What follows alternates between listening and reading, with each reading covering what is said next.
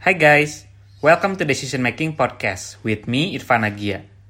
Sebuah podcast tentang bagaimana kita bisa lebih baik dan juga lebih bijak dalam mengambil keputusan dalam kehidupan kita sehari-hari. Dibahas dari berbagai perspektif, terutama keilmuan psikologi dan behavior science. Karena hidup adalah akumulasi dari pilihan-pilihan yang kita ambil. Summary dari setiap episode di podcast ini akan selalu gue share di fitur Insta Stories. Jadi nanti bisa cek aja di Instagram at irfan underscore agia.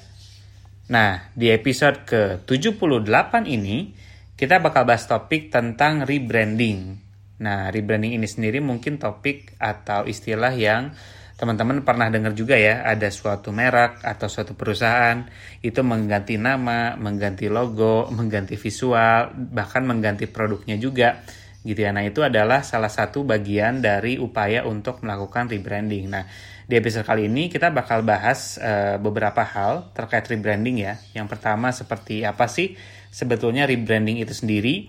Kemudian kenapa? Why? Why we need a rebrand? Jadi uh, alasannya, alasan kenapa kita harus sampai melakukan usaha rebranding. Kemudian kapan ya? When? When do we need a rebrand, pasti ada momen-momen tertentu yang membuat kita atau suatu perusahaan itu melakukan suatu rebranding. Dan kemudian juga bagaimana caranya ya, how do we do a rebrand itself, apa aja proses-proses yang dilalui, apa aja hal-hal yang harus kita pertimbangkan sebelum kita melakukan rebranding, itu bakal kita coba bahas di episode kali ini.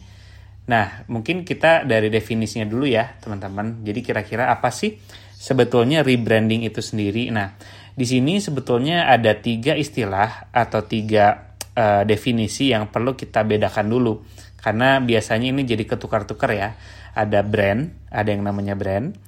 Kemudian ada yang namanya branding. Dan yang ketiga baru rebranding. Nah, ketiganya ini sebetulnya punya perbedaan pengertian yang uh, mendasar ya. Jadi jangan sampai ketukar-tukar. Nah, yang pertama yang fundamentalnya dulu nih, namanya brand. Nah, brand ini sendiri apa sih? Kalau brand sendiri kalau dalam bahasa Inggris uh, bahasa Indonesia itu adalah merek ya. Jadi uh, brand ini sendiri adalah suatu merek atau identitas uh, atau suatu nama yang mewakili produk atau sesuatu secara keseluruhan. Nah, sebetulnya kata brand ini sendiri itu berasal dari kata brander atau istilahnya to differentiate atau untuk membedakan. Jadi intinya sesuatu entity baik itu seseorang ataupun suatu produk atau suatu perusahaan itu diberikan brand semata-mata untuk membedakan untuk membedakan diri mereka dengan orang lain atau kompetitor lain. Karena pada dasarnya brand adalah identitas. Jadi jangan sampai identitas suatu uh, produk suatu perusahaan atau seseorang itu jadi sama ya atau nggak ada bedanya dengan orang lain Nah, identitas ini sendirilah yang akhirnya nanti menjadi alasan untuk seseorang itu misalnya mau membeli produk dari brand tersebut gitu ya atau seseorang itu mau, mau apa branding dirinya sebagai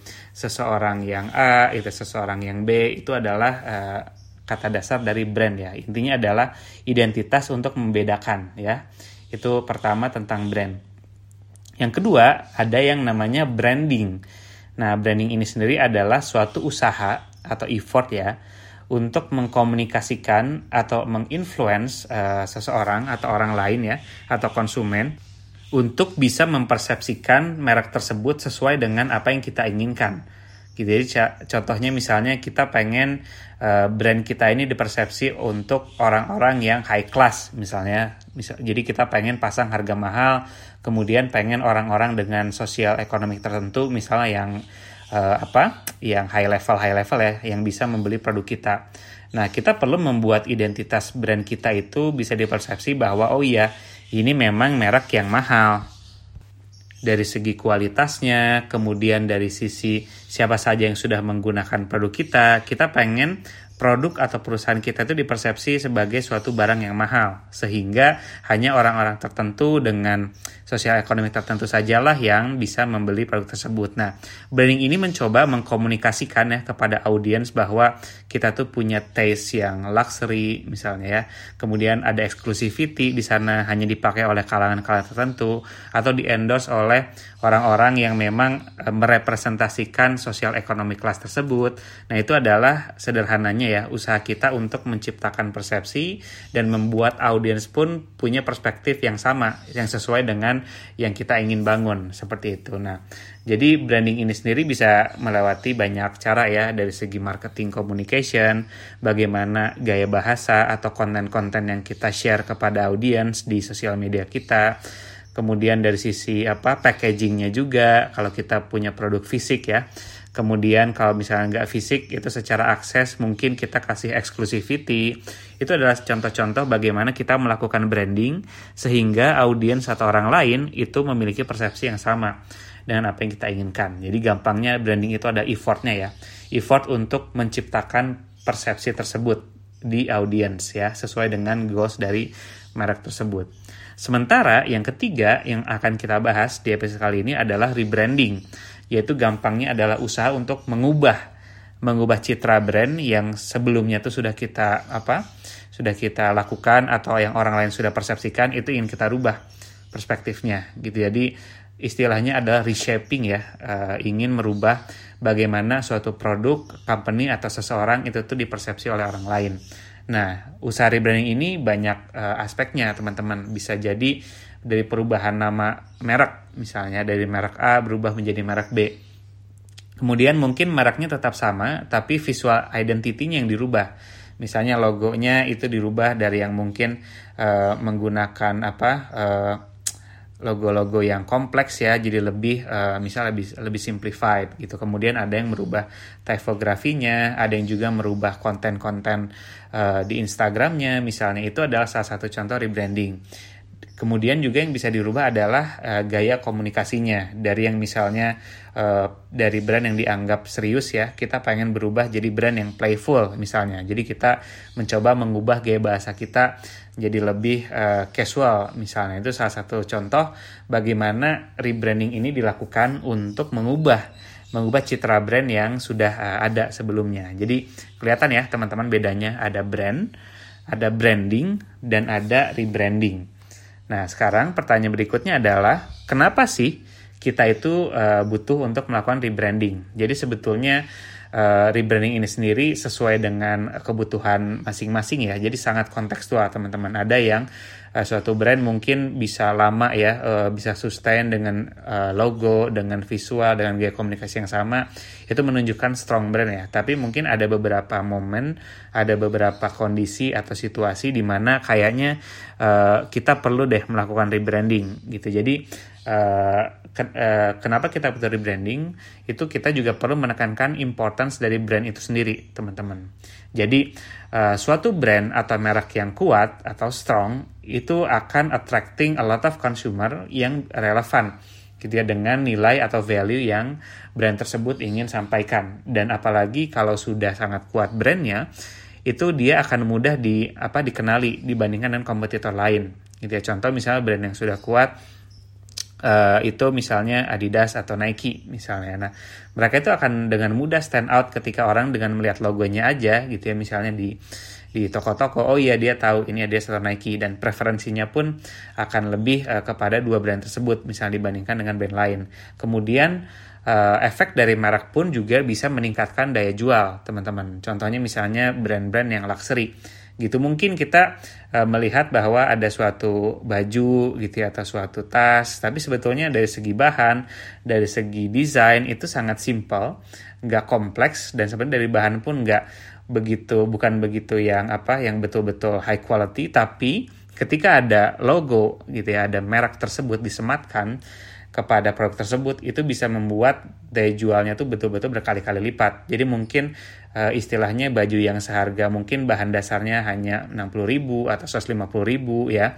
Tapi ketika ada brand logo yang terkenal dan dia merepresentasikan value uh, lifestyle yang tinggi, kemudian eksklusif, itu bisa uh, orang mau dan mampu gitu ya untuk mengusahakan membeli seharga misalnya 5 juta, 7 juta gitu walaupun hanya simple logonya kecil tapi value-nya itu besar. Jadi bayangkan uh, kemampuan atau efek dari brand itu sebegitu besarnya dalam uh, shaping public dan audience perception dan juga uh, intensi mereka untuk seberapa willing mereka spending money gitu. Jadi kita bisa menentukan price point juga dengan kekuatan dari brand kita. Bayangkan kalau brand kita tuh belum dikenal gitu ya. Terus misalnya nggak begitu stand out dari kompetitor itu mungkin kita akan jadi apa uh, di, diragukan juga. Ini kok uh, ini merek apa? Belum terkenal tapi kok sudah mahal? Seperti itu contohnya. Jadi ketika uh, brand ini sebegitu penting kita perlu melakukan evaluasi teman-teman. Jadi uh, kita coba lihat dalam setahun terakhir, lima tahun terakhir gitu ya, apakah kekuatan dari brand kita itu bisa generate sale, mengundang konsumen-konsumen yang relevan kepada kita gitu ya. Dan uh, kembali lagi ya teman-teman, brand ini sendiri tidak hanya terbatas kepada perusahaan ataupun produk-produk, tapi kita sendiri pun juga adalah brand ya. Jadi bagaimana kita dipersepsikan oleh orang lain, kemudian bagaimana kita itu apa uh, dikenal oleh orang lain itu adalah namanya personal branding gitu. Jadi itu juga bisa kita lakukan kalau kita mau melakukan rebranding dari yang misalnya uh, apa kita tuh pengen uh, dulunya fokus untuk uh, kasih ngasih konten-konten yang tentang traveling gitu ya. Sekarang pengen lebih serius. Pengen attracting another uh, client atau another misalnya audience ya yang pengen kita reach out. Itu juga bisa. Kita juga bisa melakukan rebranding. Nah biasanya rebranding ini dilakukan ketika ada beberapa hal teman-teman ya. Kayak contoh misalnya uh, yang pertama uh, karena Eh, kita merasa bahwa brand equity kita atau brand value kita itu sudah tidak relevan lagi gitu ya di uh, di mata audiens gitu kan. Jadi uh, penting sekali untuk kita melakukan evaluasi untuk uh, melakukan brand uh, repositioning istilahnya ya seperti itu. Nah, kita sekarang pertanyaan berikutnya adalah kapan nih? Kapan momentum yang tepat untuk kita akhirnya bisa tertiger oke okay deh kayaknya kita perlu melakukan rebranding gitu ya. Nah, pertama adalah ketika kita merasa bahwa brand name kita atau produk atau perusahaan itu no longer reflect the brand vision. Jadi misalnya kita punya visi uh, ingin contohnya menjadi platform aplikasi terdepan untuk uh, apa uh, masyarakat Indonesia gitu ya. Tapi ternyata setelah kita evaluasi lagi, ini ternyata terlalu general, terlalu luas gitu ya. Kayaknya kita perlu lebih spesifik lagi misalnya menargetkan pada konsumen-konsumen atau audiens yang misalnya uh, dengan uh, status ekonomi sosial itu uh, middle low. Nah, otomatis kita akan melakukan rebranding dengan cara misalnya mengubah gaya komunikasi kita, kemudian konten-konten kita sampaikan juga harus sesuai merefleksikan uh, profil-profil mereka gitu. Jadi itu adalah salah satu contoh bagaimana ketika suatu nama brand itu nggak reflecting the brand vision. Nah contoh yang mungkin uh, cukup terkenal juga adalah Google ya teman-teman. Jadi kalau teman-teman mungkin uh, pernah dengar Google itu dulu namanya itu ada adalah backrub gitu ya. Jadi uh, bayangkan kalau misalnya si backrub ini tuh tidak melakukan evaluasi gitu ya tentang brand communication uh, mereka mungkin sekarang di homepage kita ya kalau kita mau browsing itu namanya backrub. Beda dengan kata Google yang uh, sekarang itu sangat kuat bahkan udah punya verbnya sendiri gitu. jadi orang itu melakukan aktivitas namanya googling. Itu kan sebetulnya dari dari nama brand ya. Tapi dia saking frekuennya saking kuatnya nama brandnya itu bahkan sudah menjadi uh, apa uh, kata aktivitas yang baku gitu. Kita googling. Kemudian misalnya kayak Twitter kita melakukan tweet. Orang itu nge-tweet gitu. Itu kan juga salah satu contoh bagaimana how powerful how strong the brand gitu ya. Itu merefleksikan uh, value dan activity kepada konsumennya gitu. Nah jadi itu salah satu contoh bagaimana nama brand itu sangat krusial uh, gitu ya uh, untuk merefleksikan uh, value-value kita seperti itu. Jadi kita bisa melakukan rebranding ketika kita merasa nama brand kita itu udah ternyata setelah evaluasi nggak reflecting the vision. Yang kedua adalah ketika kita itu uh, fail to differentiate ourselves dengan competition. Nah, ini karena kan uh, kata dasar brand itu adalah brander ya, to differentiate. Jadi uh, brand itu akan dianggap tanda kutip gagal ketika orang itu tidak bisa membedakan atau tidak bisa recall ini tuh brand apa sih apa bedanya dengan orang lain karena kalau mereka sama aja gitu ya mereka tidak melihat value-nya edit value-nya dibandingkan merek-merek yang lain gitu jadi ketika kita ngerasa bahwa merek kita itu apa uh, sudah mirip dengan eh, orang-orang uh, lain, dengan brand-brand lain. Konsumen pun ketika kita melakukan survei gitu ya, atau riset tidak bisa membedakan uh, edit value-nya apa dari kita itu adalah uh, red flag ya. Jadi kita harus uh, melakukan pembenahan, evaluasi bagaimana caranya kita bisa melakukan diferensiasi lebih uh, signifikan lagi atau lebih prominent lagi. Uh, karena kalau kita nggak punya clearly articulated differentiator istilahnya ya, sales, business growth, konsumen konsumen yang datang nggak akan relevan dan akan very challenging teman-teman. Nah kemudian yang ketiga adalah ketika bisnis model atau strateginya tuh berubah gitu. Jadi ketika kita ada uh, perubahan ya dari segi uh, target, dari segi misalnya lima tahun ke depan kita mau uh, merubah bisnis model kita dari yang misalnya B2B gitu ya, bisnis to bisnis berubah menjadi B2C atau bisnis to consumer. Itu otomatis akan ada perubahan value, perubahan promise dari brand kita kepada uh, konsumen kita gitu ya. Nah yang keempat ini yang mungkin cukup uh, umum juga adalah ketika merek kita atau perusahaan kita atau produk kita itu berada dalam proses merger atau akuisisi gitu. Jadi misalnya kita dibeli oleh perusahaan lain atau bergabung gitu ya dengan merek lain. Kayak contoh misalnya uh, apa ya beberapa startup ya yang akhirnya uh, bergabung itu pasti akan ada nama holding yang berubah gitu ya. Contoh misalnya kayak Gojek dan Tokopedia, nama holdingnya itu jadi Goto misalnya. Itu juga uh, apa salah satu upaya untuk uh, melakukan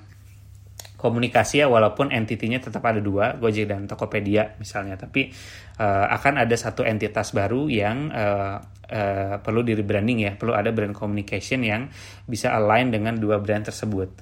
Nah yang terakhir yang kelima adalah ketika kita mau connect ketika kita mau uh, reach audience yang baru gitu. Jadi kayak contoh misalnya uh, setiap tahunnya setiap uh, apa generasi itu pasti akan ada yang berubah teman-teman. Kayak dulu rame banget milenial ya. Sekarang I uh, I think it's uh, already obsolete ya. Milenial sekarang pun yang dulu sebagai dianggap anak-anak mudanya sekarang itu mungkin udah mature ya gitu. Kalau nggak salah yang paling muda sekarang tuh udah usia 20-an gitu kan milenial. Nah sekarang itu berubah lagi misalnya ada uh, tren generasi berikutnya adalah Gen Z misalnya ya. Kemudian nanti ada lagi namanya Alpha Gen Alpha. Nah nanti juga uh, setiap brand otomatis akan menyesuaikan. Kalau kita mau reach uh, target-target market yang baru kemudian mungkin ada promise atau value yang berbeda dibandingkan generasi yang sebelumnya, itu juga uh, perlu menjadi consideration teman-teman saat kita akan melakukan rebranding. Nah, itu mungkin ada lima faktor ya yang uh, bisa memberikan kita indikasi kapan nih kita kayaknya perlu evaluasi untuk melakukan rebranding. Nah, kemudian pertanyaan terakhir yang berikutnya adalah gimana nih caranya kita melakukan rebranding? Apa aja yang harus kita uh, perhatikan ketika kita melakukan rebranding ini sendiri?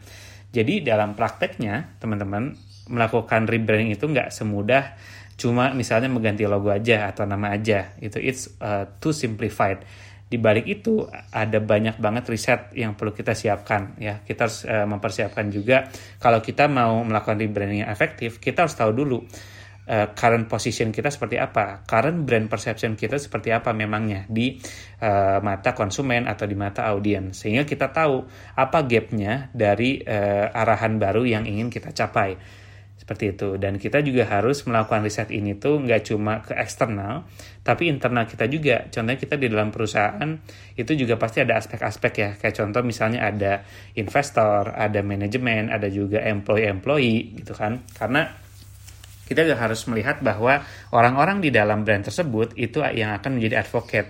Kita mereka juga harus punya satu visi yang sama bagaimana mempersepsi suatu brand ini atau suatu perusahaan ini. Gitu. Jadi perlu banyak sekali extensive research yang dilakukan mulai dari survei, kemudian juga kualitatif ya, kita banyak ngobrol sama orang-orang gitu ya. Kemudian kita juga harus lihat kompetitor biar kita tahu ketika kita mau compare, ketika kita mau benchmark, kita ini posisinya ada di mana gitu ya. Jadi internalnya dari uh, apa employee, dari manajemen, arahan dari investor juga misalnya. Kemudian uh, lihat competitionnya seperti apa di market, eksternalnya, kemudian juga dari sisi konsumennya sehingga kita tahu gapnya. Nah, kemudian setelah kita sudah uh, apa mendapatkan ini ya, mendapatkan landscape-nya seperti apa, kita juga harus mendapatkan buy-in ya, buy-in dari upper management, kemudian buy-in juga dari uh, internal kita yang lain, kita harus mengkomunikasikannya gitu kan.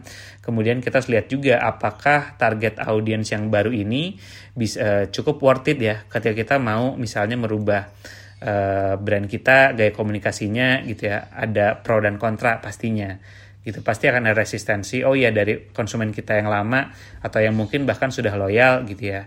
Itu seberapa besar dampaknya kalau kita merubah gaya komunikasi. Bahkan mungkin setelah kita melakukan riset ternyata tidak ada masalah dengan brand communication kita. Nah, itu juga perlu kita pertimbangkan karena rebranding itu very costly, teman-teman. Kalau ini rebrandingnya efektif ya, yang nggak cuma sekedar mengganti nama, mengganti logo, tapi ketika kita melakukan rebranding dengan total, kita harus bisa merubah semua uh, aspek komunikasi, aspek visual gitu ya, aspek packaging juga. Kayak contoh misalnya kalau orang-orang atau brand di FMCG gitu ya. Bayangkan produk-produk mereka itu ada mungkin yang harus ditarik ulang karena pengen dirubah kemasannya biar konsisten karena konsistensi itu menjadi penting. Kalau brandnya cuma setengah-setengah ngubah nama doang tapi gaya komunikasi nggak berubah, kemudian ternyata nggak konsisten di lapangannya produk-produknya ternyata masih menggunakan desain lama, konsumen akan bingung gitu ya. orang-orang jika bingung ini jadinya gimana nih, ini brand apa sih sebetulnya dan setelah dilihat jadi nggak apa nggak distinct lagi perbedaannya dengan kompetitor seperti itu. Jadi uh, setelah kita mapping dapat buy-in dari uh, internal kita, kita juga harus konsisten seperti itu. Dan yang terakhir yang keempat adalah kita harus punya uh, grand plan-nya seperti itu. Kita mau melakukan rebranding ini dalam seberapa lama, budgetnya berapa, timeline seperti apa. Kemudian kalau kita mau KOL atau influencer gitu ya, yang membantu kita itu harus yang punya background seperti apa agar sesuai dengan profil baru kita nanti gitu ya dan yang terakhir ini yang perlu diperhatikan sekali adalah rebranding itu jangan dijadikan suatu usaha untuk merubah semata-mata citra negatif doang. Contoh misalnya kita punya ada bad PR ya, bad publicity. Brandnya itu dapat backlash karena banyak problem gitu ya di sisi di banyak hal. Kemudian akhirnya mereka melakukan rebranding gitu ya, rebranding agar orang-orang lain tuh ngerasa ini brand yang berbeda gitu ya. Padahal ya ini tuh brand yang sama gitu ya, tapi hanya merubah nama saja untuk menghilangkan persepsi negatif seperti itu. Nah, ini mungkin yang uh, kalau uh, dari dari apa uh, eh, gue perhatikan ini yang dilakukan juga sama Facebook juga ya. Walaupun memang secara goals itu mereka udah punya arahan baru ya, metaverse gitu. Tapi kalau dilihat dari segi timing gitu ya, mereka itu sebetulnya ada di saat banyak sekali backlash gitu kan. Banyak backlash dari government, dari consumer dan bahkan ada juga apa whistleblower di sana dan akhirnya ini jadi tanda kutip bisa jadi distraksi yang bagus juga gitu ya. Agar uh, orang-orang itu jadi nggak fokus dengan bad PR-nya si Facebook, uh, tapi lebih fokus kepada goals-nya si Meta gitu. Tapi we'll see, kita akan monitor bagaimana uh, perkembangan dari rebranding ini sendiri gitu karena seperti teman-teman tahu metaverse gitu ya itu kan uh, salah satu contoh yang sangat uh, prominent ya bagaimana suatu brand itu merubah uh, namanya sampai komunikasinya dengan goals yang baru. Oke, mungkin itu teman-teman uh, beberapa aspek yang bisa kita bahas tentang rebranding. Thank you for listening dan uh, di next episode uh, selanjutnya gue bakal bahas topik tentang instant gratification. Nah, ini mungkin adalah fenomena yang uh, kita banyak temui juga dan mungkin kita juga merasakan ya. Apalagi kalau dilihat instant gratification sangat berkaitan dengan bagaimana uh, generasi sekarang itu melihat uh, sukses ya. Jadi banyak yang ngelihat ada overnight success, mungkin mereka ikut investment atau suatu apa kegiatan yang bisa membuat mereka itu kaya dengan cepat gitu ya, tanpa proses yang panjang. So I think in the deeper uh, motivation ada aspek yang namanya instant gratification ini yang kayaknya menarik untuk dibahas dan uh, important juga ya. So thank you teman-teman, sampai jumpa di episode ke-79. Kalau ada request atau masukan tentang feedback atau input, boleh banget email atau message gue di Instagram at irfan underscore agia. Kalau teman-teman merasa topik-topik di podcast ini berguna atau bisa memberikan wawasan yang baru, please do share it to others. Bisa bagikan link konten podcast ini di Instagram, because sharing is caring. Thank you and see you in the next two weeks. Bye-bye.